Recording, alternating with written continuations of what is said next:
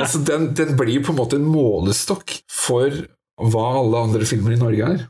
Jeg skjønner hva du mener. Og derfor tenkte jeg, ja, hvorfor ikke ofre én plass for at alle andre filmer blir bedre? Hjertelig velkommen til I fokus her på podkasten Norsk film er. Her vi eh, snakker om eh, norsk film og tar opp ulike temaer.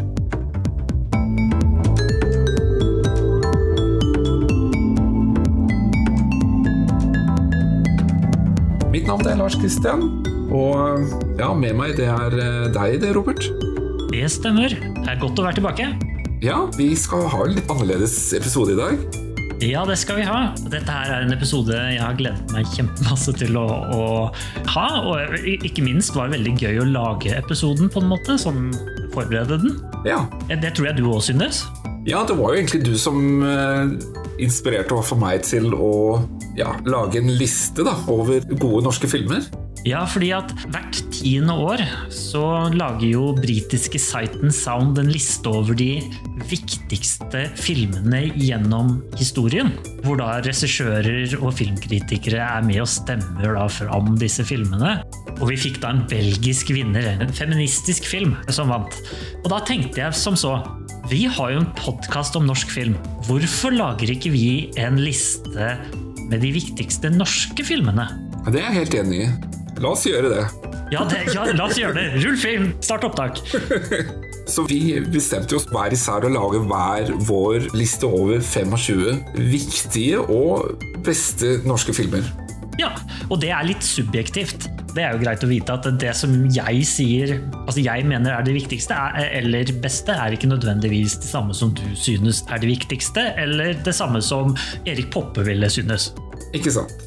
Og så jo, har vi jo satt noen kriterier at det skal jo selvfølgelig være en norskprodusert film. Og eller en norsk finansiert film. Da. Så får vi jo se om eh, de filmene vi har plukka ut, faktisk er det, da. Det, ja, det spørs. men vi prøver å holde oss veldig innafor det kriteriet, men vi får se. Vi prøver å være flinke. Og så må vi jo bare understreke at uh, dette her er jo filmer som vi faktisk har sett. Helt riktig. For å være på lista må vi ha sett det. Ja, så Det betyr jo at det, det var masse gode filmer der ute som eh, kunne ha vært på listen, men den er den ikke fordi jeg eller du rett og slett ikke har fått sett den. Ja, sånn er det, dessverre. Ja. Og så eh, om fem år, da, som vi eh, kanskje tenker å lage en ny liste, så har vi jo forhåpentligvis sett noen nye og flere norske filmer. Og så vil jo kanskje listen se annerledes ut. Jeg har jo en liten shortlist her med filmer som jeg trodde jeg skulle rekke å se før denne episoden, som jeg ikke har gjort. Ja. Og dermed så havner de på utsiden, på en måte. Ja. Dette er jo det som er gøy med lister som kommer eh, med litt mellomrom, er jo at trender og eh, ikke minst hva som er liksom godkjent i samfunnet og sånn. Og du endrer jo alder også, så alle disse tingene er med på liksom modne listene våre. Og dere som eh, lytter på, dere kan jo selvfølgelig også komme med deres favorittfilm, eller, eller mening om hva som burde vært på, på den listen over viktigste og beste norske filmer. Det kan du da gjøre ved å gå inn på vår Facebook-side, eller eh, sende oss en uh, melding på Insta. Dere kan også sende oss en mail, god gammeldags mail, det tar vi imot. Ja, da lover vi å lese opp den til neste episode. Absolutt, absolutt. Jeg vil også nevne det at Vi har vel egentlig ikke satt noe krav når det kommer til type sjanger på disse filmene. Så det her kan det komme mye rart. Det her kan både være dokumentarer og spillefilmer. Absolutt. Vi har vel egentlig luka ut kortfilmer, har vi ikke det? Nei, det har vi absolutt ikke. Det har vi ikke, så du har kanskje noen med? kanskje. jeg kan si med en gang at jeg har ikke noen kortfilmer med. Da har vi muligheten for en liten overraskelse her fra sidelinjen. Da kan det hende at det blir noen flere kortfilmer på min neste liste. Kanskje vi egentlig burde laget en egen topp fem kortfilmliste? Oh, det hadde vært kult. Ja, det hadde vært spennende. Det kan bli en annen episode. Ja. Men skal vi ikke like gjerne bare hoppe ut i det, Robert? Ja, vi tenkte jo det at vi skulle gå gjennom dette her alfabetisk. Vi begynner med A. Nå er de jo så heldige at ingen av oss har valgt noen film på A, eller hadde du en liten en der, Lars? Jo da, jeg, eh, jeg har en film på A. Skal vi begynne nå med en gang, eller tenker du at vi skal Jeg kan avsløre min på A, og det er en dokumentar som kom ut i 2002. som heter Alt om min far. Åh, Den har du kanskje hørt om? absolutt. Det er jo en Det er vel Benestad, er det ikke det? Jo, det er et portrett av Espen Pirelli Benestad. Denne legen som eh, også er transistitt, transvestitt, er det det han er? Det er du som har sett filmen, holdt på å si. Jeg tror det er det begrepet man bruker da. Men her har i hvert fall sønnen til Espen Han har da laget en dokumentar om faren sin, om det livet han lever, og jeg syns det var en veldig sterk dokumentar. Og det at man tør å dele noe så personlig. Og det er ikke bare en dokumentar om Espen selv, men det er jo også om sønnen og hele familien og dem imellom. Så jeg syns det var faktisk en veldig sterk dokumentar. Altså, det er eh, en, en, en film jeg har satt på min liste. Ja, det hørtes ut som en bra valg. Eh, Men den er ikke på min liste, men den kunne godt ha vært det. Jeg, det må jeg ærlig innrømme, jeg tenkte ikke over den engang. Men jeg har sett den nå. Men du hadde jo en film på B. Ja, det har jeg. Jeg har plassert en film der som traff meg veldig når jeg så den. Den passa perfekt for min alder i 2003. Laget av Morten Tyldum, heter Buddy. Oi, Yes. den er på min shortlist, for å si det sånn. Ja, ikke sant? En spennende film. Vant rubbel og bit av priser, Amanda-priser osv. Det var jo kanskje gjennombruddsfilmen til Anders Bassmo, for eksempel. Mm, stemmer. Mye bra. Mer kommersiell, artig film. Komediedrama. Passer til alle. Jeg har eh, også en film som heter Budbringeren. Oi! Og den eh, Ja, det var den, den Det er den eh, budbringeren Roy da, som kommer til post til oss, men han har ikke noe i denne episoden. Men jeg syns i hvert fall den filmen var eh, annerledes og, og interessant, fordi den så Det er en litt sånn der eh, slaskete og litt sånn grumsete film, og viser Oslo på en litt sånn eh, annerledes måte. Da. Det er ikke sånn fancy og, og fin og, og, og vakker å se på, men jeg syns den var veldig interessant laget, da. pluss at det var en artig historie også. Men det at film ikke trenger å se vakker ut for å være bra, det tenkte jeg var det som gjorde at jeg trakk denne filmen fram, da. Ja, ikke sant? Vi får se om uh, vi sannelig ikke skal få til noe i den kategorien senere etter hvert også. Hva er din neste film, Robert? Jeg har jo da et par på det. Ja. Det ser jeg at du har òg, så kanskje du skal ta den første, så tar jeg den andre, du den tredje, jeg den fjerde. Også. Ja, det kan vi gjøre. Jeg har en film som er fra 1958, så da er vi tilbake til sort-hvitt-perioden. De dødes tjern, og dette er jo faktisk en uh, film som vi har snakket om og hatt en egen episode på. Absolutt. Da han føler at noen har vært der, ikke sant? Det er mulig. Og så går han jo ut, eller nei, han ser en fjær som ligger på bordet. En kråkefjær. Å ja. Er det der denne mekaniske kråka er? Ja, stemmer. Denne kråka på ett bein, mekanisk kråke på ett bein, som jeg må si at den så fryktelig dårlig ut. ja. Er Eh, en av de få tingene som faktisk skuffet meg litt, var da jeg så den kråka og tenkte at det der kan ikke gå an. Dette burde de klart å løse på en bedre måte, tenkte jeg. Ja, jeg, jeg satt litt og lurte litt på hvordan de hadde gjort det. Jeg tror det er mekanisk, altså. Ja, for jeg syns kråken i seg selv så jo grei ut, men det var liksom mer måten han beveget seg på og Ja, hoppet opp. og- ja. Ja, ikke sant? Så, så jeg skjønte at dette her var et eller annet som ikke var uh, riktig. Den likte jeg så godt at den er på min liste også. Ja, da har vi jo i hvert fall noe felles. Ja. Uh, nei, sorry.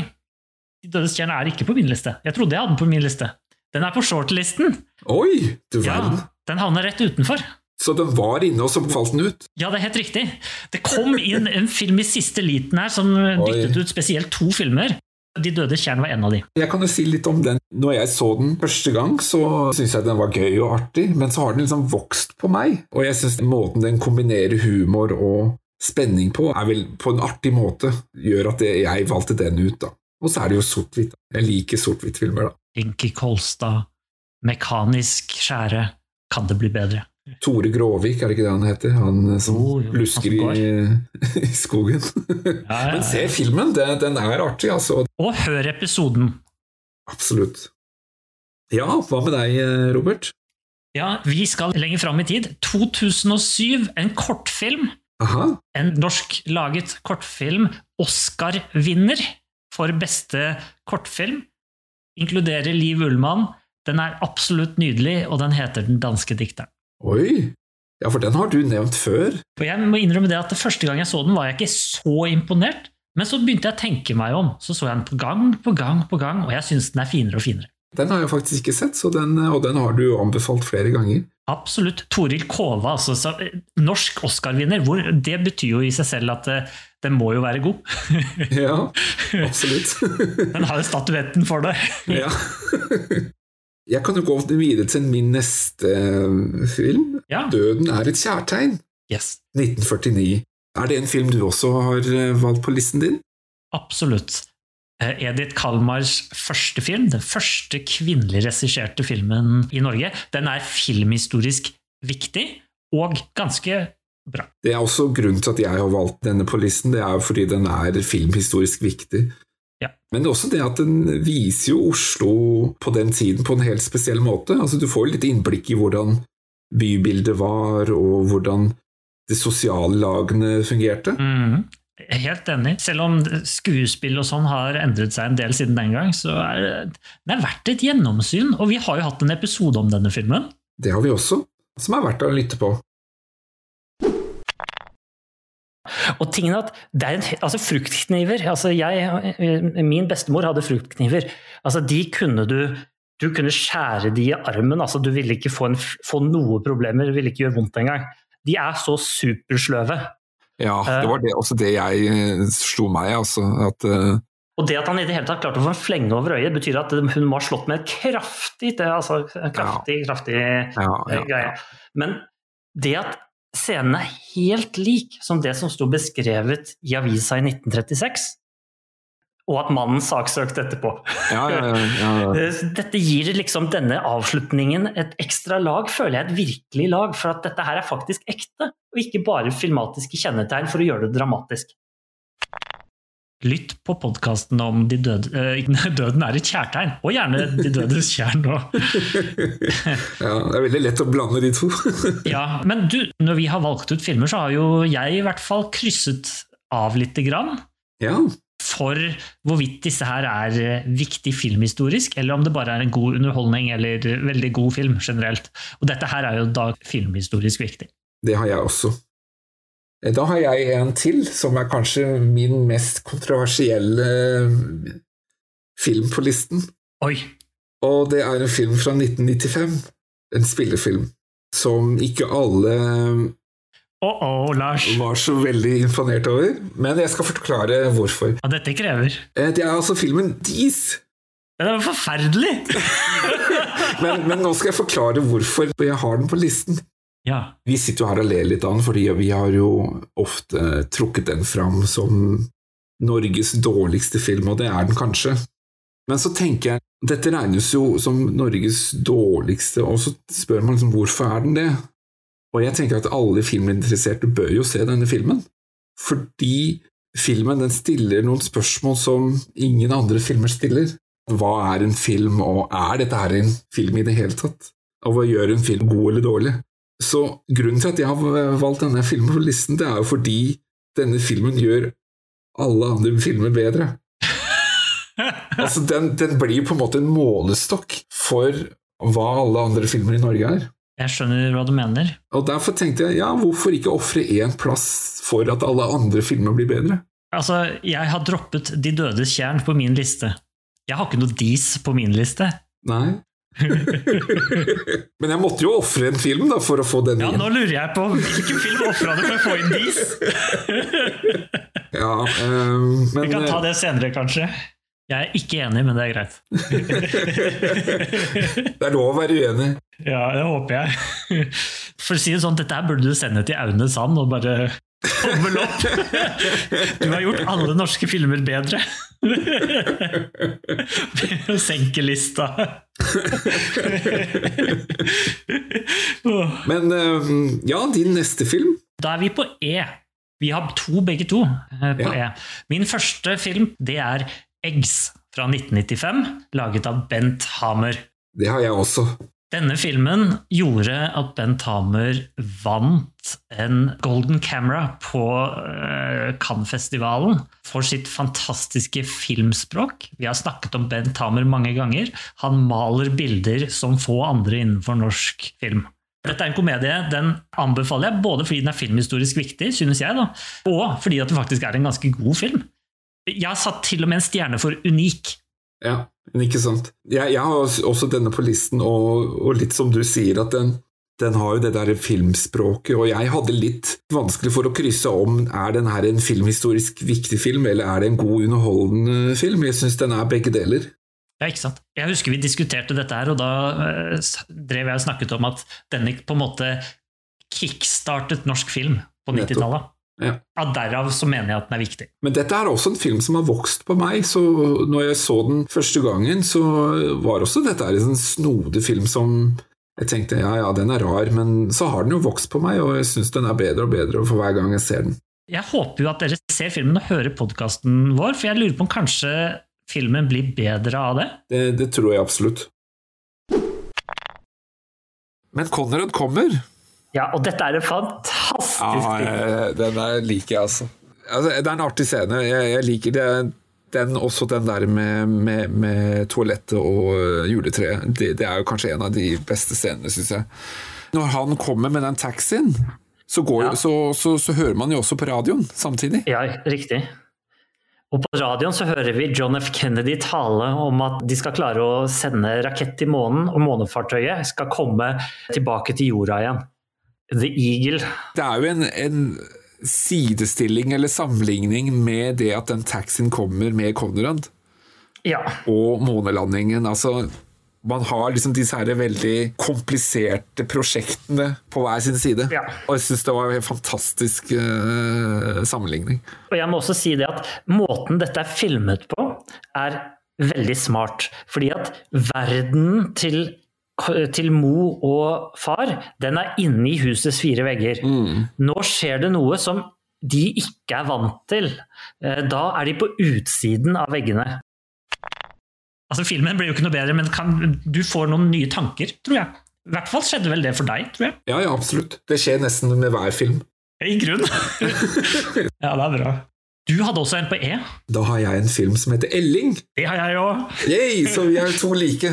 Yes.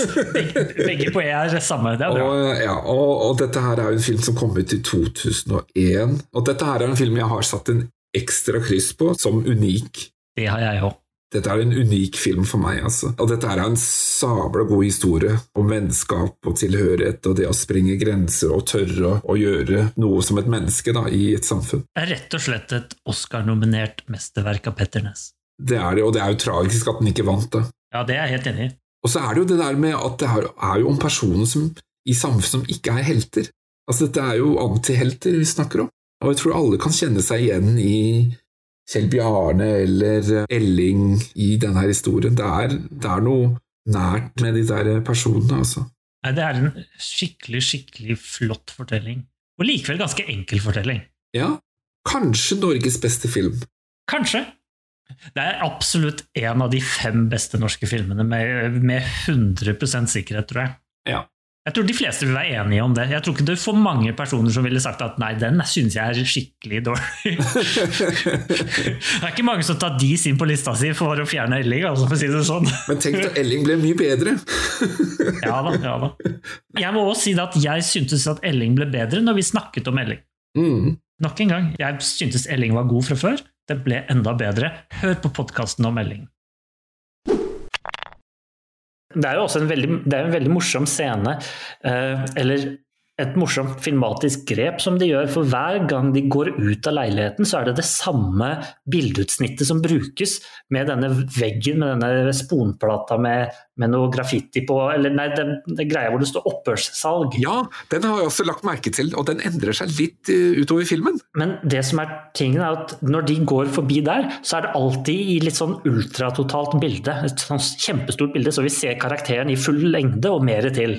Mm, mm. Eh, og, og, når de er på vei til kinoen, så går de liksom sammen. Når de skal tilbake og det har blitt mørkt, så ser vi eh, Elling iler hjem. Mens liksom Kjell Bjarne og og Frank, de går liksom sammen, liksom. Ja, ja. Jeg, jeg la merke til den der butikken som de passerer hele tiden. Det er jo ofte det samme utsnittet, da, som du nevnte.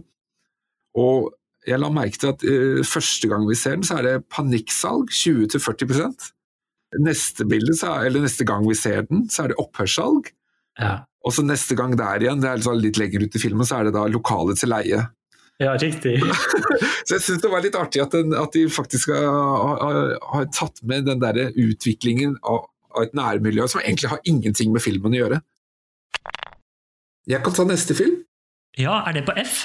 Og der uh, vet jeg at du har uh, en del filmer. Nei, ja, ja, det har jeg sannelig. Det er F jeg har masse, gitt. Jeg har i hvert fall et par, og den første filmen det er uh, filmen fra 1937, Sant? Den har jeg også. Det er også en film vi har snakket om. Og vi vet ikke egentlig hvor hun blir av. Nei. Inntil vi ser da Fenrik sitter og spiller på gitar igjen inne i båten sin. Og så dukker plutselig Josefa opp av lasteluka. Jeg har en høne å plukke med Ibsen her, altså. Jeg har stor respekt for hans verk, altså, men jeg syns her mangler det noen scener. Ja. Her kunne de kanskje ha vist at hun var på havnen, og han var på havnen og skulle dra, uten at de nødvendigvis viser at hun sniker seg om bord, men bygger litt opp forventningene av hva som kanskje kommer til å skje seinere. Jeg er helt enig i at her mangler det noe greier. Og det som jeg syns appellerte med den filmen, det var jo at den dekker jo en tidsepoke og et tema som fortsatt egentlig er eh, aktuelt i dag. Mm, absolutt. Kanskje ikke akkurat folkeslaget i seg selv eller gruppen, jo. men jo, det er faktisk helt Synes syns det er aktuelt fremdeles, jeg. Ja. Altså. Absolutt. Så jeg, eh, jeg plukka ut den som eh, en av mine favoritter på listen her, som en viktig historisk film. Ja, riktig. Regissert av Tankred Ibsen, hvis dere ikke vet det, og det er et drama, da. Dramakomedie. Ja, det kan du godt si. Jeg har jo da en film som jeg lurer på om kanskje du ikke har på listen. 'Fiskerlivets farer' fra 1909. Det skal jo sies at jeg har jo ikke sett originalen fra 1909. Er det den som egentlig forsvant, og så ble det laget en remake av den? Helt riktig. Av de samme personene som lagde den. Den er på, laget på 50-tallet. Men det er jo Norges første film, Ja. produsert av Hugo Hermansen. Og av den enkle grunn så er jo det en av de viktigste, for den startet jo filmeventyret i Norge. Og den er forresten nå 100% verifisert at den har eksistert. Inntil relativt nylig var det diskutert om den faktisk ikke hadde eksistert i det hele tatt. Men den er verifisert ekte. 'Fiskelivets farer'. En veldig kort og grei sak fra 1909. Og så er den markert som filmhistorisk viktig, og så hopper vi over den. Jeg hopper ikke over den. Nei, nei, nei. Jeg har en til som jeg lurer på om du kanskje ikke har. 'Fjols til fjells'. Å! Ja. Laget i 1957 av Edith Kalmar, som har vært inne på listen allerede en gang. Dette her er veldig personlig for meg, fordi at dette er filmen jeg vokste opp med på mange måter. Mm. Jeg så den gang på gang da jeg var liten, og jeg lo så tårene trilte av Leif Juster hver eneste gang. Og hans forvirring. Jeg vet ikke, det er bare noe med det. Jeg synes det er knallflotte bilder, og dette er en norsk film. Det handler om påskefjellet. Perfekt underholdende film. Ikke verdens beste, kanskje, men altså, det er underholdende film, og jeg synes det er viktig. Det var en periode man trengte å le litt også. Det er ikke så lenge etter andre verdenskrig. 10-12 år etterpå. ikke sant? Og det var litt harde tider i Norge. Man trengte å le. Leif Juster ga oss en komedie der ved hjelp av Edith Kalmar. Det er litt artig du sier akkurat det der med at du at dette er en film som du føler veldig for, fordi du har vokst opp med den. Kanskje ikke da den kom ut, men Nei, så gammel er jeg ikke. Men jeg har jo kun sett den her i nyere tid. Jeg tror jeg faktisk så den her i fjor. Og jeg syns den var morsom, og den er, den er artig film og sånn. Men jeg føler jo ikke det samme som du gjør, da. Nei, det er klart. Fordi jeg har jo ikke vokst opp med den og sett den hver jul eller påske eller når den nå blir sendt. Og sånn. Ikke sant? Så, så det er litt eh, artig, det, akkurat det der eh, at man bygger noen forventninger og noen uh, følelser til filmer, da. Ja, jeg tror jeg kan den på rams, altså. Ja. da har jeg valgt ut Flåklypa Grand Prix. Det har jeg også. Og den har du også helt sikkert valgt, ja. Eh. Jeg regna med det. Markert den som unik, har jeg gjort. Det har jeg også gjort. Og dette her er en film som jeg så for første gang på mange, mange år i fjor, da. Eller i år, mener jeg. Nei, i fjor. Når var det vi spilte den inn? I fjor. Ja, 2022, høsten. Ja, og Da hadde ikke jeg sett den på uh, 20 år, eller noe sånt. Og når jeg så den med nye, friske øyne, så, så syns jeg den var like spennende og gøy å se. altså. Mye nostalgi og teknisk fremdragende og underholdende. Altså, jeg syntes jo Flåklypa Grand Prix allerede var en av de aller viktigste norske filmene Mm. og beste før vi begynte å snakke om den. Men når vi snakket om den, så bare vokste aksjene. altså. De bare gikk til himmels. Mm, ja. Men det som er litt interessant, da, for nå har vi jo blitt introdusert til alle disse her eh, karakterene, og så tenker jeg liksom, er, altså, hvem er egentlig hovedpersonen? Ja, det er jo Reodor Felgen. Er det det? Ja, i min verden er det Reodor Felgen. Ja, det kan godt hende, for jeg, jeg føler jo litt at det er kanskje Solan. Ja, riktig. For det er jo han vi følger liksom utover filmen. I hvert fall i midten av filmen, hvor han drar til, til eh, denne her sjeiken, ikke sant? Jeg skjønner hva du tenker. Så det er kanskje ikke Er det tre hovedpersoner? Ja, det er kanskje en gruppe. Grunnen til at jeg tenker Reodor, det er at Reodor er kraft Altså han er på en måte liksom den, Han er essensen i filmen. Uten Reodor blir det ingen film. Eh, uten Solan så vil det antageligvis bli en film. Eh, men det vil jo bli en annen film, da. Men, Altså, Flåklypa er jo nesten som et eh, Marvel-univers. Den er så godt laget. Den er laget i 1975. Ja. Det er helt fantastisk. Det er jo en kulturarv fra Caprino og Aukrust, sånn sett, da. men også fra Aukrust sitt univers i seg selv, da, for det er jo man kan si det er nesten to verdener. Altså Caprino har jo tatt figurer fra Aukrust og laget noe helt eget og unikt med denne filmen, som, eh, hvor den virkelig skiller seg ut. Du hadde noen uh, filmer på G. Ja, men du, jeg er ikke ferdig med F-en. Jeg er sånn rød. Nei, du er ikke det, nei? Ok. For her kommer en skikkelig sånn ja, eh, rett høyre, altså. Ja. Denne er kanskje viktigere enn den er god, jeg vet ikke. Før snøen faller, fra 2013. Har du sett den? Nei? Den er laget av en kar som heter Hisham Saman. Og det er da altså en norsk-tysk, irakisk, kurdisk-språklig film. Ja, Ko- er Kortfilm? norsk. Eh, nei, dette er en fullengde film. Oh, ja. Den den er ikke så lang, den er 96 minutter. Det er langt nok i forhold til noen av filmene vi har snakket om, for så vidt. Eh, den har fått sånn Altså, den er jo ikke verdens beste tilbakemeldinger, men det er noe med viktigheten av at filmer kommer for å fortelle en fortelling. Noen Mm. fortellinger trengs å bli fortalt. Og dette her er da om en 16 år gammel kar som da skal prøve å eh, finne søsteren sin, da, som har rømt fra sitt eget bryllup og dratt til Norge. Denne filmen vant Amandaprisen i 2013 for beste kvinnelige birolle, blant annet. Og den har også vunnet noe som heter Kanonprisen i 2013 i klassen Beste foto. I tillegg så er det en rekke med utenlandske priser til denne filmen. Og så viktig film. Kanskje ikke den beste, men viktig. Den er veldig bra, egentlig. Ja, ja jeg, jeg, jeg stoler på det, jeg. Ja, det håper jeg. Du hadde Dis på lista, så jeg veit ikke. Ja, jeg mener fortsatt at den gjør alle norske filmer bedre. Ja, det er sant, det. Jeg er helt enig. Hadde du noen på G? Nei, det hadde du ikke. Nei? Jeg har én. Jeg har to, faktisk. Den første jeg har på G, den er fra 1949, og regissert av Arne Skouen, og heter Gategutter. Og Gategutter, det er da en film som er eh, Det er norsk neorealisme om eh, 1950-talls eh, fattige gutter som bor litt sånn ja, Som henger på gata, da. Og en av ungene er Paul Bang-Hansen. Og det er jo litt morsomt. Det er morsomt. Ja, eh, Men dette er en, en av de viktige filmhistoriske filmene. Vi har ikke så mange norske neorealistiske filmer. Dette er en av de, og den er veldig god. Se den eh, hvis ikke du har sett den. Har du sett den, Lars? Nei, det har jeg ikke. Kanskje vi får ta velge den en gang? Interessant sak. Den vant Filmkritikerprisen i 1950. Ja. Og så har jeg en film til. Dette er også en litt gammel sak. En veldig gammel sak, for så vidt. Eh, 1939, komedie Gjest Bårdsen. Oh, ja. Laget av Tankred Ibsen, og han er jo da veldig sikker i sin regi, som vi, har, eh, som vi kjenner igjen fra Fant, f.eks. ja. Eh, Dramaturgien strålende i denne filmen. Og ikke minst så gjør Alfred Maurstad en usannsynlig god rolle som mestertyv og folkehelt. Og han spiller jo da Gjest Bårdsen, da. Så verdt et syn hvis ikke du har sett den. Jeg synes den er også litt viktig filmhistorisk, egentlig. Bra film.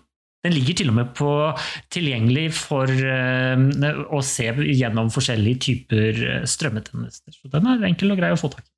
Neste film ut er jo et av mine. Ja. Og det er filmen Hodejegerne fra 2011. Spillefilm. Og dette er en av de filmene som jeg, når jeg så den på kino, så syns jeg egentlig det Den fenget meg så mye at eh, Kan det bli bedre?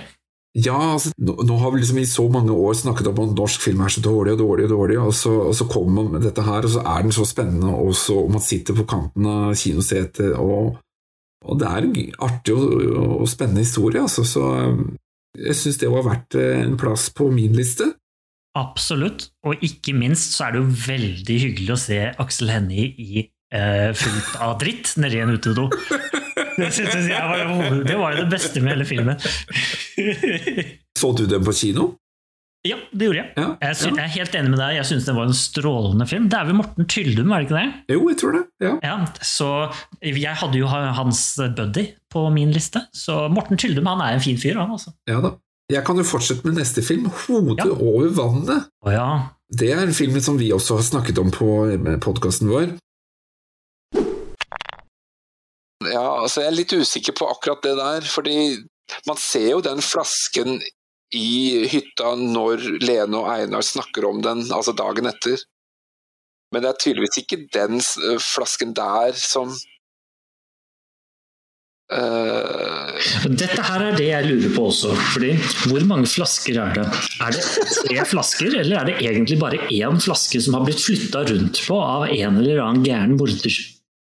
Ja, det er jo et godt spørsmål, men jeg Sånn som jeg trodde det, da, så, så trodde jeg at det sto en flaske i huset, Ja, det sto en i hytta, ja. ja, som Gaute drakk av. ja som inneholdt, tresprit. Ja, men det, det vet vi jo ikke. Men så står det i tillegg så står det jo en flaske ute i boden. Som, Ja. Så det må i hvert fall være minst to flasker. Men, men er den flaska som står inne i hytta, egentlig den flaska som står i boden? Det tror jeg ikke, fordi Så eh, han har to flasker med tresprit? Nei, jeg tror han har én flaske med, med ekte vodka, og så har han en annen flaske med tresprit. Fordi han, Tror du at Gaute døde av å drikke vodka? Det er jo det som er forviklingen, da. Eh, Det er ingen som egentlig vet hvor han døde. Det var vel vår første episode. Ja, det var det faktisk, og dette er en film som kom ut i 1993. Regissert av eh, vår godeste Nils Gaup. Og jeg syns dette her er en undervurdert perle, syns jeg, da. Den ser ikke sånn veldig fancy ut, men jeg syns allikevel den er underholdende, og den har noe komedie, og den har thriller, og det er artig skuespill, altså. Jeg syns den er egentlig litt undervurdert, så Ja, det er litt. Altså. unorsk også. Ja, den er egentlig litt det, altså. Eh, Men så er det jo en eh, norsk setting, altså nede på Sørlandet, ikke sant, med båtliv og hytter og ikke sant, så det, det føles veldig norsk og ikke norsk på samme tid. Så dette er en, en film jeg har kryssa av for god underholdning, som jeg syns er verdt å se. Absolutt. Det hørtes spennende ut. Den har jeg sett, da. Du har jo sett den, så Ja, jeg har sett den. Jeg har diskutert den jeg. I videoen med deg. Ja, Kanskje jeg skal se den igjen? Ja hvorfor ikke? Du kan se den amerikanske utgaven nå. Nei, det vet jeg ikke. Det er lenge siden jeg har sett den.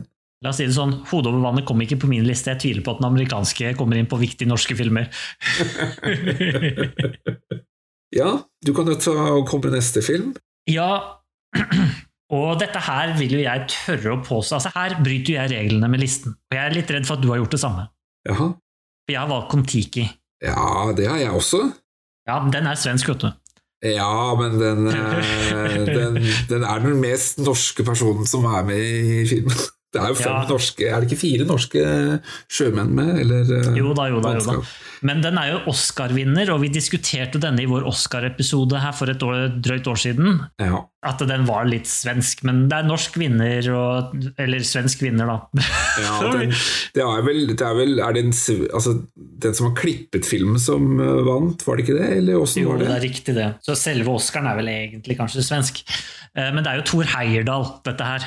Det er om Kon-Tiki. Den er jo filmet av han selv også, så dette her er jo godt innafor de norske grenser, tenker jeg. Ja da, ja da. Den er produsert i Norge sånn offisielt også. Ja, altså den, jeg har ikke noe problem med å tenke at det er en norsk film. Nei. Eh, Om den er norsk måtte- Oscar, så er det jo kanskje mer diskutabelt. Da. Ja, jeg tenkte jeg måtte sette det litt opp, da.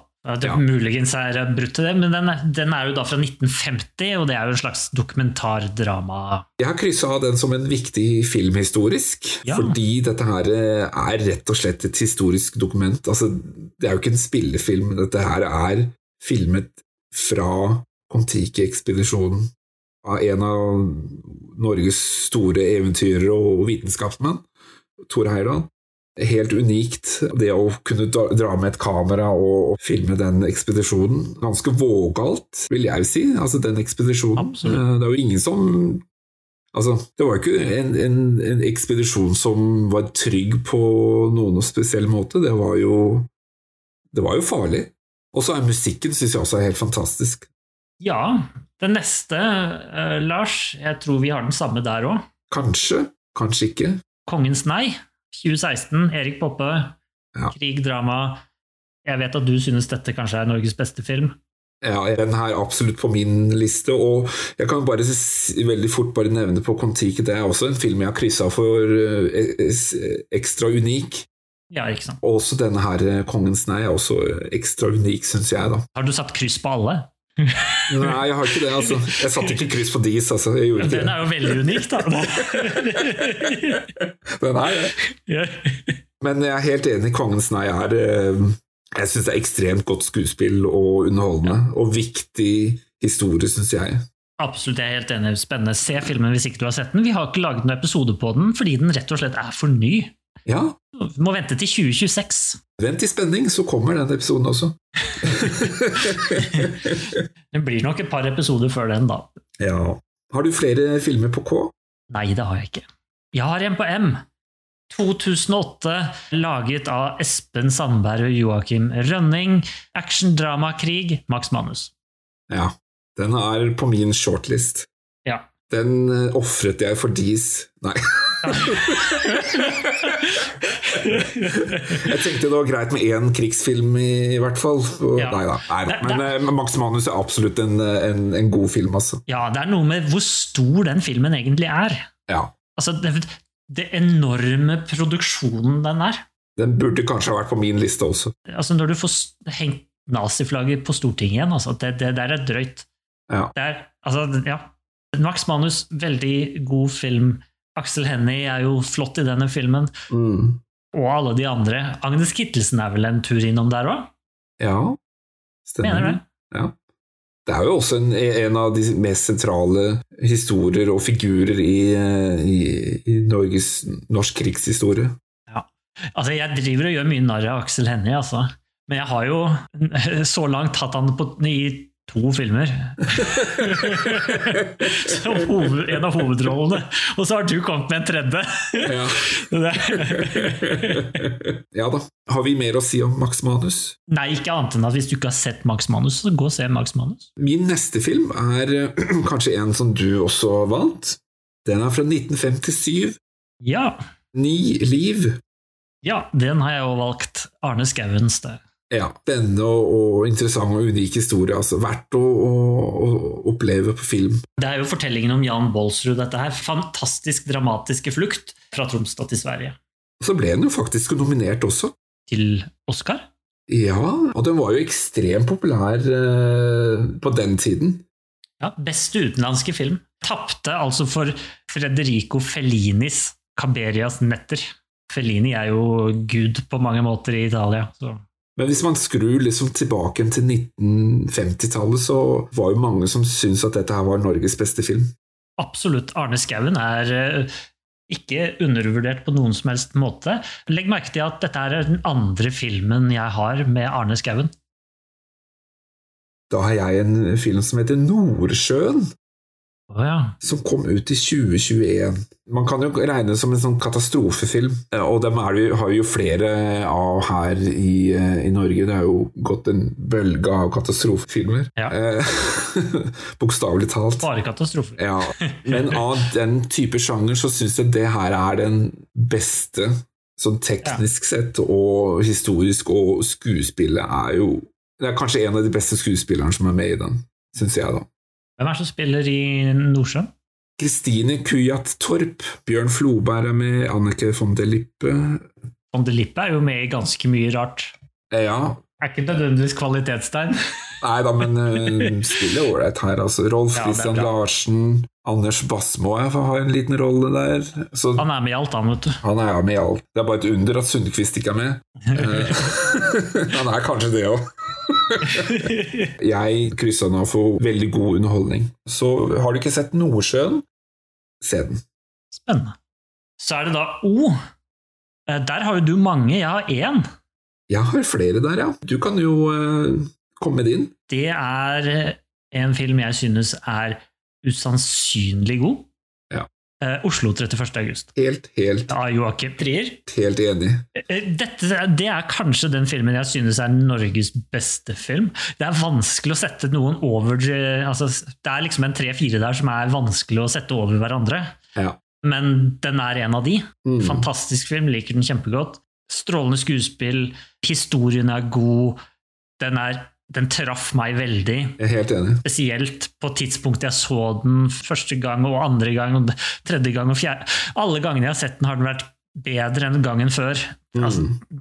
det er et kvalitetstegn. Jeg mener også at dette her er Joakim Triers beste film.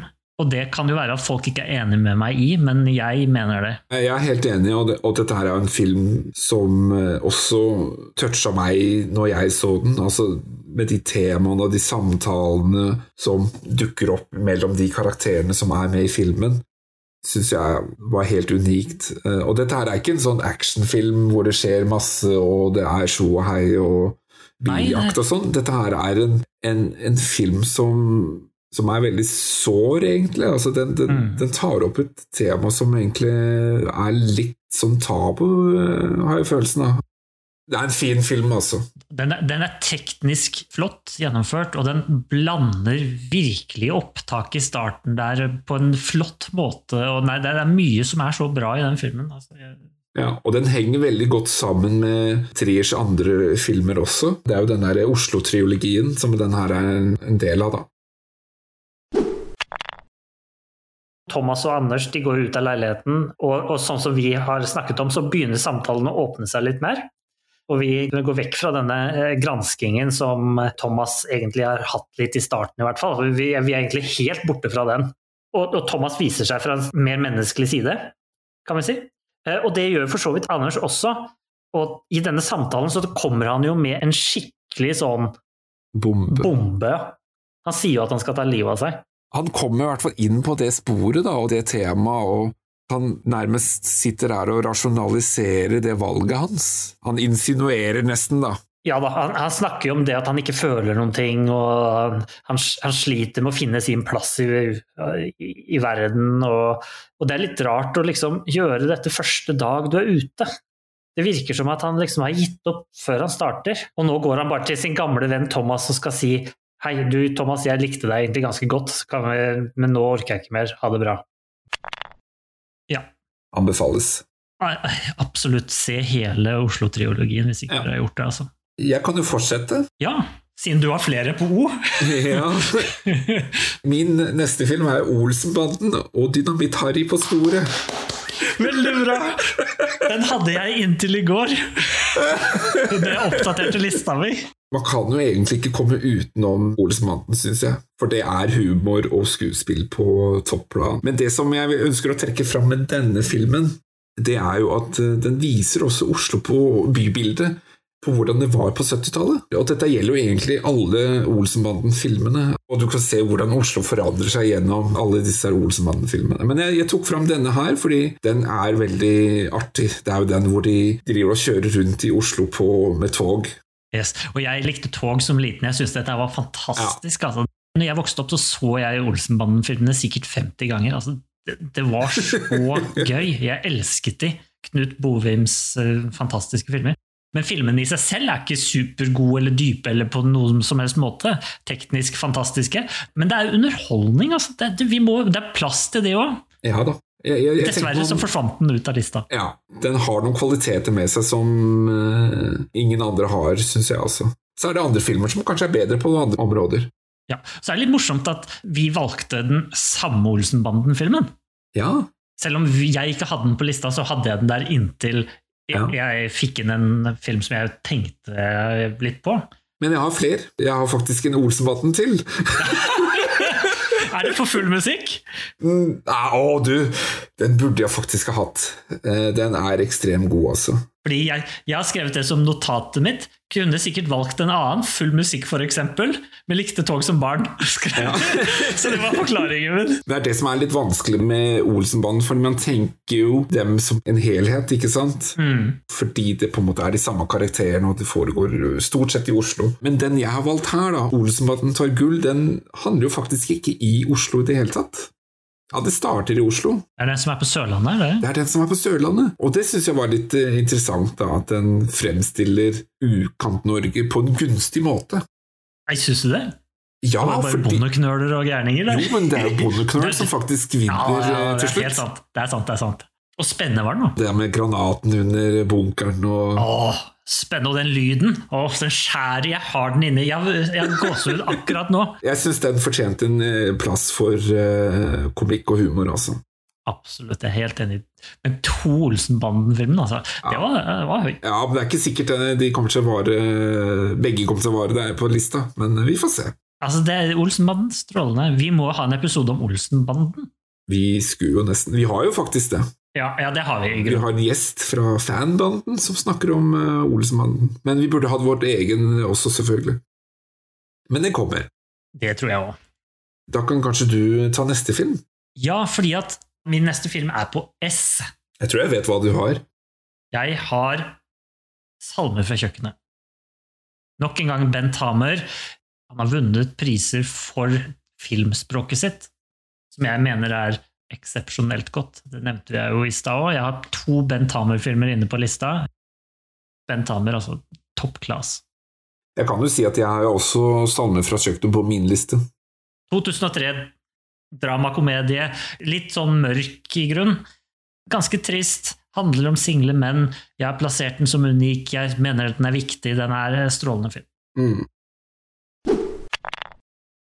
Men du hadde noen uh, ideer og tanker om hesten? Ja, det, er ganske åpenbare ideer og tanker om hesten. Jeg mener at denne hesten er Isak. At de to har et parallelt liv, og at hesten ser sliten ut. Isak ser sliten ut. Når Isak antageligvis dør, så gjør han det fordi han har bestemt seg fordi at nå skal hesten dø, og så mister også Isak på samme tid folket, og potensielt Grant. Og grunnen til at Isak mister Grant, er fordi at Isak ser hva Grant gjør. Vi har ikke kommet dit ennå, men altså, han, han, mister nok litt respekten for Grant på det tidspunktet. Det at han uh... Han kommer til å trekke campingvogna med folket. Ja, nettopp. Men en annen ting også med den hesten, det er jo på en måte livet til Isak. Altså, han ja. går jo og tar vare på den hesten, han besøker den hver dag, mm. steller med den. Og hesten er jo syk, og, og den... Den, den, den blir hentet i en kassevogn samtidig som folket kommer tilbake. Når Isak skjønner dette her, så skjønner han jo også samtidig at da har han ikke noe mer å leve for. Ja, det er som et gammelt ektepar. Ja, ikke sant? Hvor den ene dør, så dør den andre. Og en av de filmene som jeg mener kanskje er den beste norske filmen. Jeg kan jo gå videre og nevne Slipp Jimmy fri fra 2006. Den har jeg òg. Ja, jeg regner med at du hadde den. Ja. Og du har sikkert på lista litt av samme grunn som jeg, altså Norges første 3D-film. Eller 3D-animerte film. Du, jeg har ikke skrevet noen grunner. Til, på denne filmen, men uh, den er jo fra 2006, uh, laget av Kristoffer Nilsen. Og du nevnte noe om litt stygg film. Den her er litt stygg. Den er ikke så fin, den har ikke holdt seg så godt som alle de andre, men da den kom, da var den bra, altså. Fordi det er noe rart her, det er jeg enig i.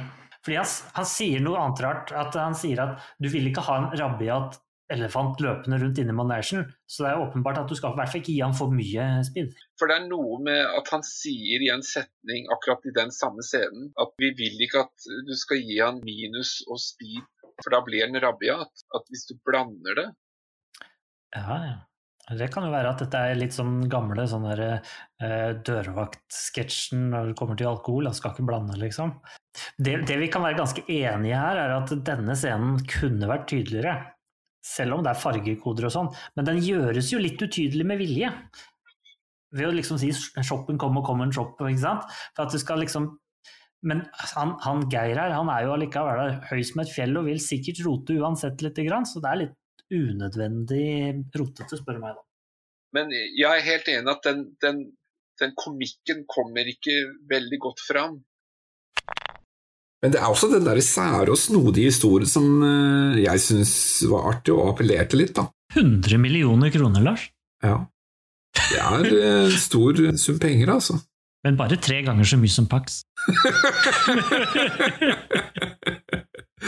ja. Du kan jo ta neste. Ja, jeg har en tredje film på S.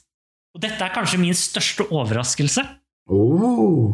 Det er en film regissert av en kar som heter Bobby Pierce. En norsk kortfilm som heter Sniffer. Ok, jeg har aldri hørt om. og Sniffer er altså en sinnssykt merkelig film. Og den er altså den eneste norske vinner av Gullpalmen i Cannes fra 2006. Altså da Hva handler den om? Den handler om en kar som eh, jobber som Altså, det er en surrealistisk film. Det er dumt å si så mye. Se den, den varer bare noen minutter. Ti minutter eller noe sånt. Eh, Mm. eh, man jobber på en slags type deodorantfabrikk eller noe. Det er sært, altså. Ja, den er skikkelig, skikkelig sær. Den er surrealistisk. Se den. Jeg elsket den. Den er så spesiell. Den er unik. Den er fantastisk. Jeg, jeg, elsker den kortfilmen. den har et filmspråk som ingen andre har. Altså. Det hadde kanskje blitt litt slitsomt å sett to og en halv time med det. Men hva er ikke slitsomt å se i to og en halv time? Ti minutter er perfekt. Sniffer, altså. Se Sniffer 2006. Skal jeg ta neste? Ja, har du noe på T? Jeg har én film på T. Det er uh, listas nyeste film, Ja. og den heter Troll. Oi! Ja, Har du troll på lista? ja. ja Man kan kanskje si at eh, man ble revet litt med av populariteten, men den ble jo sinnssykt populær på Netflix. Ja. Rett og slett satte Norge litt på filmkartet. Det er jo viktig, det. ble jo en snakkis i en liten stund, både inne og utenfor Norge. Og jeg har sett filmen, jeg syns den eh, var underholdende, den. Ja, Underholdende, men, men synes du plottet var super? Nei. Jeg har kryssa den av for viktig filmhistorisk fordi den faktisk gjorde seg oppmerksom. Ja. Rett og slett. Litt det samme som Eggs gjorde, kanskje? Egentlig, ja. Så viktig fordi den nådde ut til de store masser, rett og slett. Ja. Uh, nei, jeg har jo tre, da, på T. Og den første bryter jo alle reglene du har satt opp. The Imitation Game. Ah, ja. The, The Imitation Game. Det er Morten Tyldum som har regissert den. Jeg vet det er en eh, britisk film, antagelig, eller er det en amerikansk film, kanskje? Ja, ja. Den er litt på grensen. Den er litt over grensen, i grunn. Og jeg har til og med skrevet som notat 'ja, jeg juksa'. Uh, og Da kan du ta inn Olsenbanden i stedet for. Ja, men, men den er fantastisk god. Jeg er helt enig. Hovedrollen strålende, osv. Og, og vi har jo trukket fram to andre Morten Tyldum-filmer i våre lister. Vi hadde én hver. Og jeg tenkte at den tredje Morten Tyldumen her altså, Jeg vil jo si at The Imitation Game er hans beste film. Så det er litt dårlig gjort, da føler jeg, å ikke ha den med. Men den er jo ikke helt norsk, så ja, jeg har juksa lite grann. Halvt norsk. Ja, den, Ja, men vi, vi kan gjerne nevne det, men jeg, jeg, jeg er enig at den er litt sånn litt på grensen. Ja, litt på grensen. Kanskje jeg egentlig burde tatt inn en annen film. Men skal, vi skal nevne noen andre shortlist-filmer som potensielt skulle gå inn der isteden eh, litt senere. Men det er liksom den første jeg tenker at ville forsvunnet ut av lista, ikke fordi den er ikke god nok, men fordi den rett og slett ikke er norsk nok. Hadde han der uh, Benedict Cumberbatch vært norsk, så hadde ja. hadde vært noe annet. så, hadde, så hadde det vært godkjent. Nei. Kira Knightley hun er ikke så norsk hun heller, i grunn. Det kan hende at det er noe uh, norsk blod i disse her. Da. Det har jo vært mye vikinger og sånn i, i, England for mange år siden. det er mulig. Jeg har min listes nyeste film, til Tina. Kajsa Næss sin fantastisk vakre og historisk viktige, kanskje. I hvert fall forteller historisk begivenhet på en ny, artig og spesiell måte. Det er lenge siden vi har hatt litt sånn tegnefilmaktig film. Den her er også litt på grensen fordi at den er litt belgisk av seg. Men fortellingen om Roald Amundsen og han Immobile Jeg synes at den var veldig fin. Jeg biter på hypen. Jeg er litt redd det kanskje legger seg etter hvert, men jeg Men den har jo blitt, fått veldig mye oppmerksomhet, da. det skal jeg være enig i, og, og verdt å trekke fram. Det er urettferdig få som har sett den, i forhold til ja. hvor god den er. Den fortjener mye, mye bedre. Jeg har vært og sett den på kino, jeg, blant masse unger og ja. småbarnsforeldre, jeg, så Synes den var gøy? Jeg tror eh, de fleste i salen syns den var gøy. Jeg syns den var ålreit. Ja, tingen at jeg synes at den ikke var så god i starten. Men jeg synes den blir så bra etter hvert. Den, den, den, spil, den, gjorde meg bare bedre og bedre. Jeg, den spilte seg bedre og bedre. Jeg synes den var kjempegod til slutt. Jeg satt med en litt sånn gåsehudfølelse til slutt. Altså. Jeg synes den var kjempefin. Jeg synes også stemmene er veldig gode i den filmen. Ja, Kåre Conradi. Ja, ikke sant. Det er mye bra i den. Jeg likte den. Jeg synes den var en fin film. Ikke min favoritt sånn på den måten, men eh, absolutt verdt å, å nevne og, ta, og trekke frem. Altså. Jeg syns jo at den er viktig, fordi at den er annerledes. Jeg har satt den inn som tegnefilm. Jeg vet ikke om vi skal kalle den animasjon, kanskje, men altså, det er litt tegnefilm. Jo, det er jo animasjon. Men det er tegnefilm. Og jeg følte liksom at det kanskje ikke hadde så mye av det. Vi har jo hatt Flåklypa Grand Prix som dokkefilm, og så har vi jo hatt da Slipp Jimmy fri som ren animasjon. Dette her er en helt annen type. Dessuten er det barnefilmen blant disse. Ja, Flåklypa er jo også barnefilm. Ja, kanskje, kanskje, men altså, Flåklypa er jo for hele ja, den, jo for, den, burde alle se mange ganger. Men eh, det var Titina jeg måtte se for å dytte ut Olsenbanden. Olsenbanden ble bytta ut med Titina. Jeg syns den er veldig fin. Jeg tror den holder seg. Jeg tror den kommer til å være like god om 10 år, 20 år, 40 år. Jeg tror det er en litt sånn Flåklypa-film. Ja, det er jo mange som sammenlignet den med Flåklypa. Den var på det nivået, da. Det er jeg kanskje ikke helt enig i, da. Men, Nei, det er jeg heller ikke. Men det er noe med det at jeg tror den vil holde seg like godt. Ja. Det er noe med filmspråket der. Kanskje. Det får jo tiden vise. Kanskje den blir som Løvenes konge? Ja, blir sånn eh, teater og musikal av det og sånn. det hadde blitt Jeg hadde gått og sett den, altså. Det hadde faktisk funka som, eh, som, en musikal eller teaterstykke. Ja. Jeg er helt enig. Se, se, for deg det luftskipet komme inn på scenen. Ja. Det hadde vært så kult! Og Sånn hunden på scenen og Nei, det hadde vært gøy. Ja, Nei, skal vi sette det opp, Lars? Ja, vi, jeg syns det. Altså, vi får kontakt Var det Kai, Kajsa? Kai, Kajsa Næss. Hun er sikkert med på det. Er det noe familie med Petter Næss? Er det han som er polfarer? Nei, Petter Næss er jo han som lagde Elling. Å, oh, Petter Ness. Ja, men var det ikke også Ness som drev og vanka ned på disse her polene? Jo, jo, jo, det var det jo han eh, filosofen. Ja. Arne Ness? Arne Ness, ja. Det er jo, Ness er jo sikkert et vanlig navn også. Det er jo kjempevanlig navn. Vet du. Det er ikke uvanlig, for å si det sånn, tenker jeg. Hun var også med i animasjonsstudiet som er bak den danske dikteren. Ja, skal vi gå videre? Nok en film vi har snakket om. Tuba Atlantic. Hun er jo i tusen energi, som alltid. Ja, og så, og så, stryker hun ut første punktet, for nå er det Altså, fornektelsen er ferdig. Riktig. Uh, og så er vi liksom over på neste punkt, ikke sant? Jeg er litt usikker. Er dette egentlig første gang vi får lov å se inni boka, kanskje? Ja, det er det. For da ja. ser vi alle de punktene, ja. Eh, de fem stadiene. Ja. Da sitter jo de og snakker sammen og Oskar er jo ikke spesielt interessert i dette. Han er Nei. mer interessert i da denne måkefella.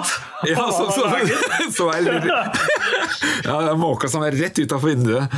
Yes. Uh, så han har helt sikkert lagt ut litt mat til måka. Og over den så, så er det jo en svær digg vaskemaskin. Ja. Som han da har en hendel til, som han kan da slippe ned og ta ja. livet av måka med dette her. Oscar-nominert kortfilm. Ja. Som satte Norge litt på kartet fordi NRK juksa det til. jeg syns det, det er artig historie. Jeg syns filmen er ganske fin. Ja, filmen er eh, fantastisk. Jeg syns kanskje det er den, en av de bedre kortfilmene jeg har sett. Ja, jeg er helt enig, og jeg har jo liksom hatt to andre kortfilmer på denne lista. Det er Mm. mer fortelling enn f.eks. Sniffer, som er liksom en sånn Ja. psykedelisk sak. Og det er mer film enn Den danske dikteren. Men den er god. Den snakker jo også om litt tunge temaer og tar opp det, og sånn, så den, jeg syns det er bra. Oscar-nominert kortfilm, se den. Tenker du at den er historisk viktig, eller at den er en underholdende er underholdende og god film. Ja. Generelt. Og hvis du har dårlig tid hvis du, hvis du har tid til bare liksom en kortfilm, se en kortfilm. Hvorfor ikke? Jeg liker den. Den fortjener en plass i, over de bedre norske filmer. Bare sånn sidekommentar her. Jeg må innrømme at jeg har faktisk ingen kortfilmer på lista mi, fordi jeg trodde ikke at vi skulle ta kortfilmer. Jeg måtte ha noen kortfilmer for å, for å komme med noen overraskelser. Ja, jeg trodde vi hadde snakka om at vi ikke skulle ha det, så derfor eh, tenkte jeg ikke noe på det. Jeg likte ikke tanken på det. Neida, men eh, da inkluderer vi også kortfilmer. Men du har eh, Tuba Atlantic, altså. 2012, se den. Ligger ute på internett, tilgjengelig. eh, Halvard Witzøe som har regissert den og lagt den ut. Og så hør gjerne vår egen episode om den. Da tror jeg faktisk du får mer ut av den kortfilmen. Det tror jeg òg. Den blir i hvert fall mye lenger. Ja. ja, min neste film. Og det er da et, eh, et visst kortspill som eh, filmen er eh, fått sitt navn etter. Du har kanskje gjetta hvem det er? Kortspill? Uno? Ja, Uno! Så der dukker han derre tullingen opp igjen, altså. Ja, film fra 2004. Jeg husker at jeg så den på kino, og jeg syns den var en sabla god thriller, altså spennende. Nå er det lenge siden jeg har sett den, men jeg husker at den var god. Så den, det var godt nok for å komme på lista. Det er jo liksom at den traff deg der og da. Det kan jo være at det har endret seg. Man vet jo ikke. Det kan godt hende. Jeg for eksempel jeg liker ikke Uno så godt. jeg, jeg skal se den igjen, og så kan det hende at den uh, faller ut, altså. Men du hadde en uh, film også på U. Ja, Erik Poppe, Utøya 22. juli. Å, den har ikke jeg sett! Usannsynlig viktig. Hvis ikke den gjør inntrykk på deg, så har ikke du levd i Norge de siste Mm. Ti-tolv åra, altså. Det er jo spesielt da én scene i den filmen som er veldig god og spesiell, altså hvor da Poppe er, bruker farger på samme måte som Schindlers liste. Det er veldig bra. Jeg, jeg vil ikke si for mye, uh, egentlig. Er det der hvor hele filmen, eller i hvert fall noe av filmen, er spilt Ja. inn i sånn one take? Ja. Er det hele filmen? Jeg mener det var den her, ja. Hvis ikke jeg blander den. Ja. Det var Erik Poppes det som var i One Take. Jeg mener det. Jo, men er det hele filmen, eller er Nei, det bare ikke absolutt hele. Det er jo faktisk det er jo ekte opptak og sånn i denne filmen nå. Blant annet. Å, det er det, ja.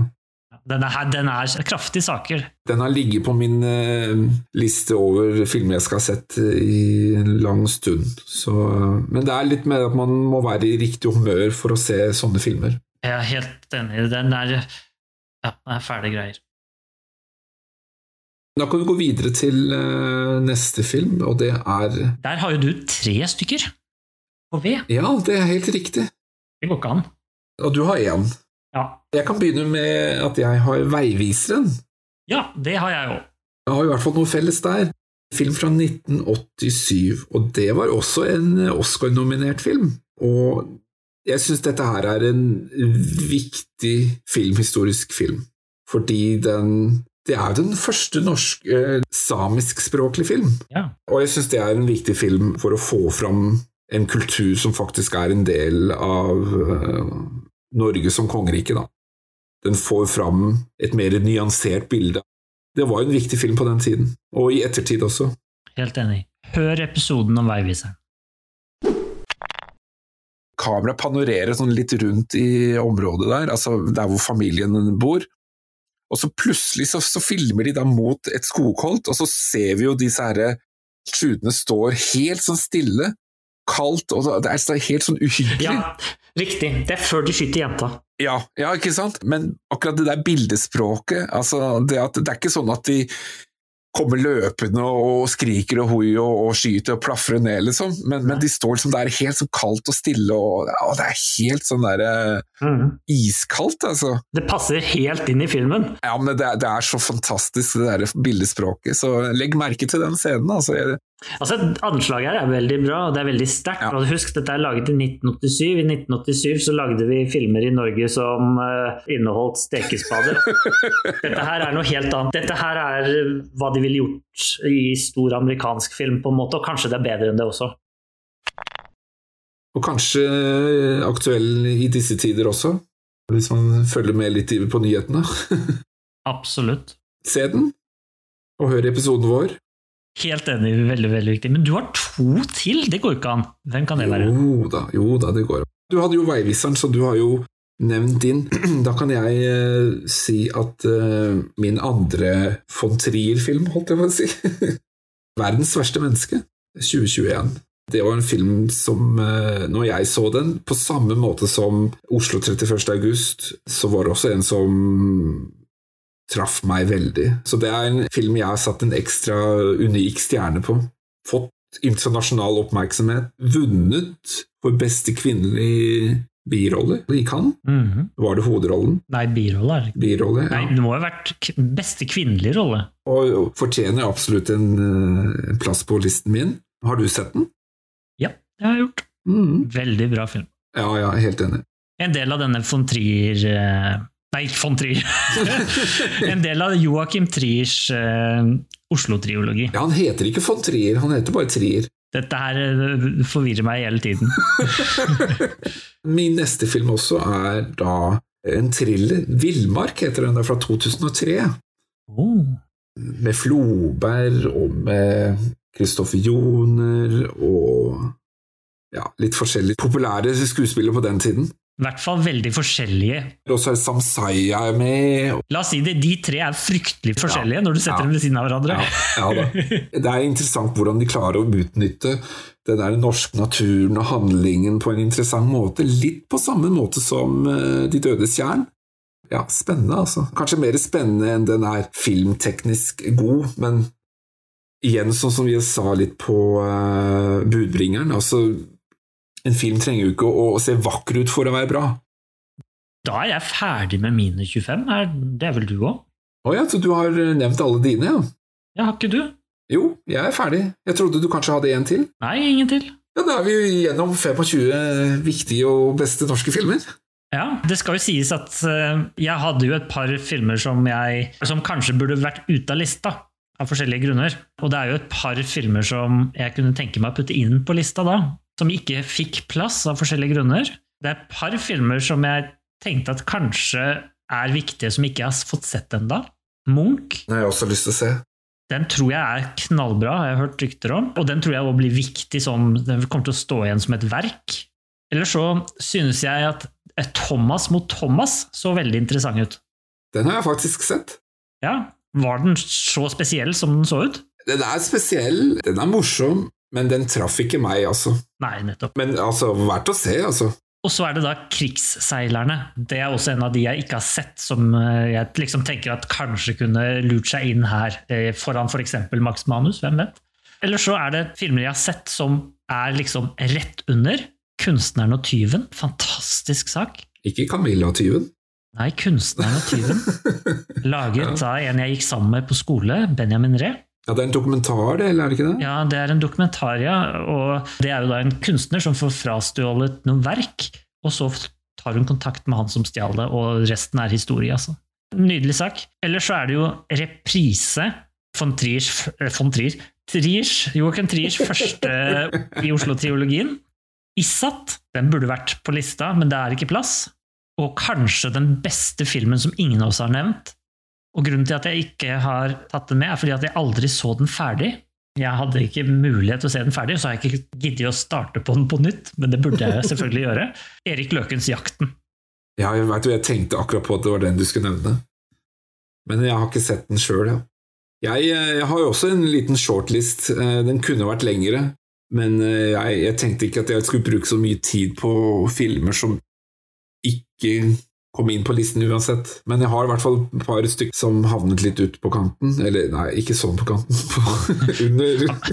Du klarte å få inn dis, Lars, så det kan ikke være mye eh, fine greier på den lista, tenker jeg.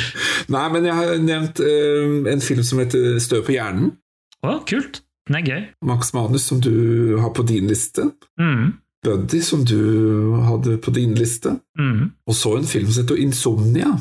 Å, den er jo litt kul, den òg. Ja, den er det. Også filmer som er, jeg syns er verdt å se, altså. Men uh, havnet ikke på min liste i 2023, altså.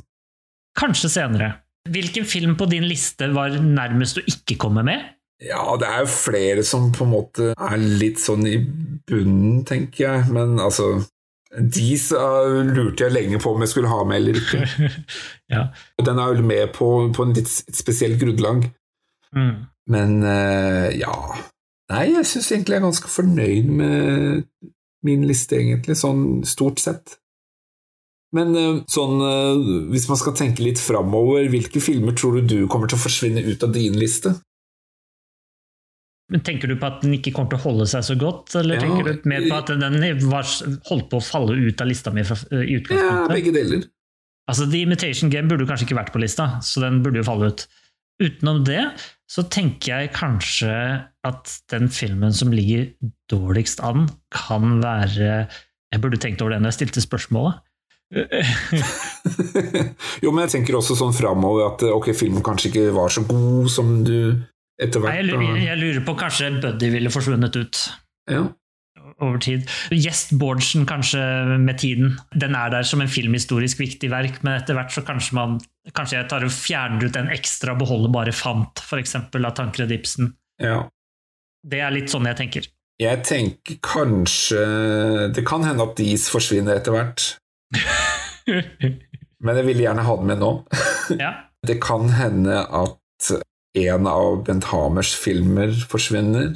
Ja, ikke sant. Ikke fordi jeg føler at den blir dårligere etter hvert, men kanskje fordi det er noe annet som, som jeg føler fortjener plassen, da. Kanskje Troll tok med fordi den var så populær på Netflix, men den er kanskje ikke så viktig sånn over tid. Ikke sant, ikke sant. Uno, hvis jeg får se den igjen i nyere tid, kanskje den ikke er så uh, heftig som jeg syns den var da jeg så den. Hvis vi ser bort ifra Dis, hvilken er liksom den du føler var ditt mest overraskende valg? Som kanskje overraska deg mest, på en måte, at havna på lista? Ja, det er faktisk et veldig godt spørsmål. Fordi det er mange som jeg tenker ja, men den, de er liksom bankers, den skal mm. på listen, ikke sant? Men noe som kanskje er overraskende sånn sett i større perspektiv, så vil jeg jo kanskje si at De dødes tjern er en film som har vokst mest på meg. Ja, ikke sant? Jeg tenker liksom ja, den var morsom og fascinerende når jeg så den, og så og så har den liksom på en måte blitt liggende litt, og så har den egentlig bare vokst og vokst, og jeg syns den er så fantastisk. Eh, og Henki Kolstad syns jeg er eh, en stjerne, altså. Helt, helt enig. Hva med deg? Sniffer. Å ja. Enten liker du den, eller så liker du den ikke. Det kan godt være at du ser den og du synes det er verdens verste film, men for meg Jeg har sett noen bilder fra Sniffer før, uten å ha sett filmen. Den har blitt fortalt om at den var litt sånn spesiell og banebrytende på mange måter når den ble laget, og sånn. Og så, og så tenker du ikke så mye mer på det, og så ser du den ikke fordi at det er liksom kortfilm, trenger ikke å se den og sånn.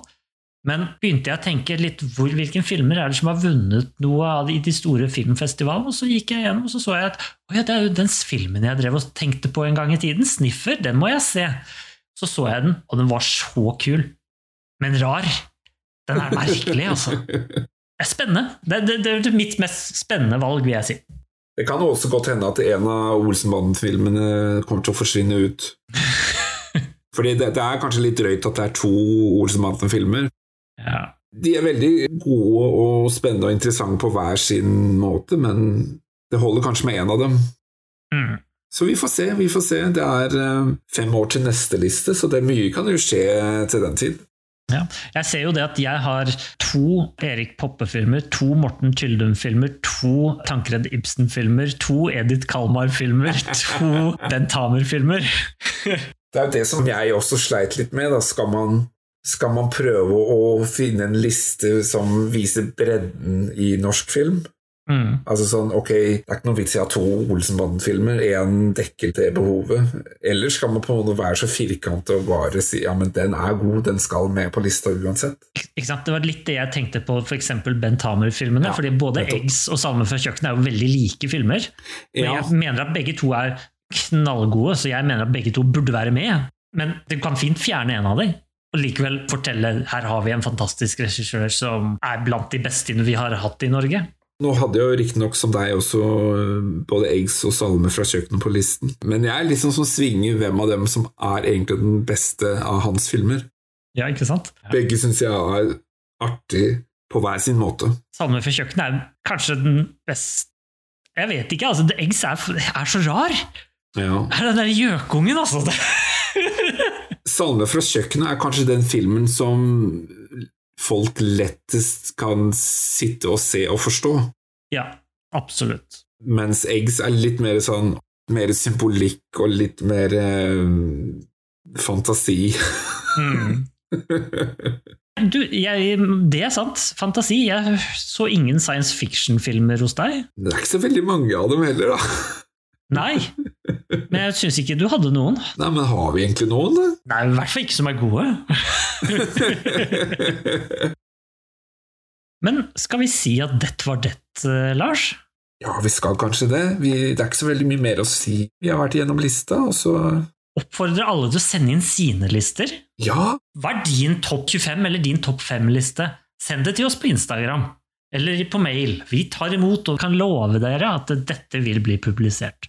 Og vi har jo spurt det norske folk om deres beste norske film før, i vår 17. mai-episode, så kanskje her har vi mulighet til å få se litt mer av det norske folk. så det er bare å stikke inn på Facebook eller Instagram og legge igjen ditt bidrag på hva du syns er de norske filmene som burde vært med på denne listen. Topp 25 viktigste og beste norske filmer. Ja, og vi tar jo og publiserer listene våre også, sånn at du kan gå igjennom listene. Ja, hvordan vi skal gjøre det, det er jeg litt usikker på. Ja, vi gjør det på Instagram. Vi kan gjøre det på Facebook også. Ja, vi kan gjøre det på begge steder. Så det kommer, det er ingen fare. Blir, hvis vi slår sammen din og min liste, så blir det mer enn 25, da.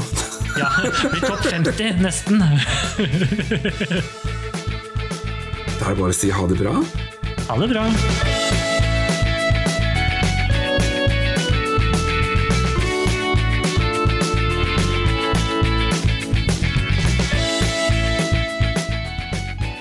Uh, det er i én som jeg kommer til, du kommer til å le av. Uh, men, eh, Jeg, jeg tror jeg har én, over, én skikkelig overraskelse, ja.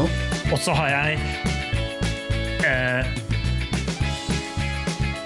tre filmer Ja, tre filmer du, jeg tror du ikke ville gjette.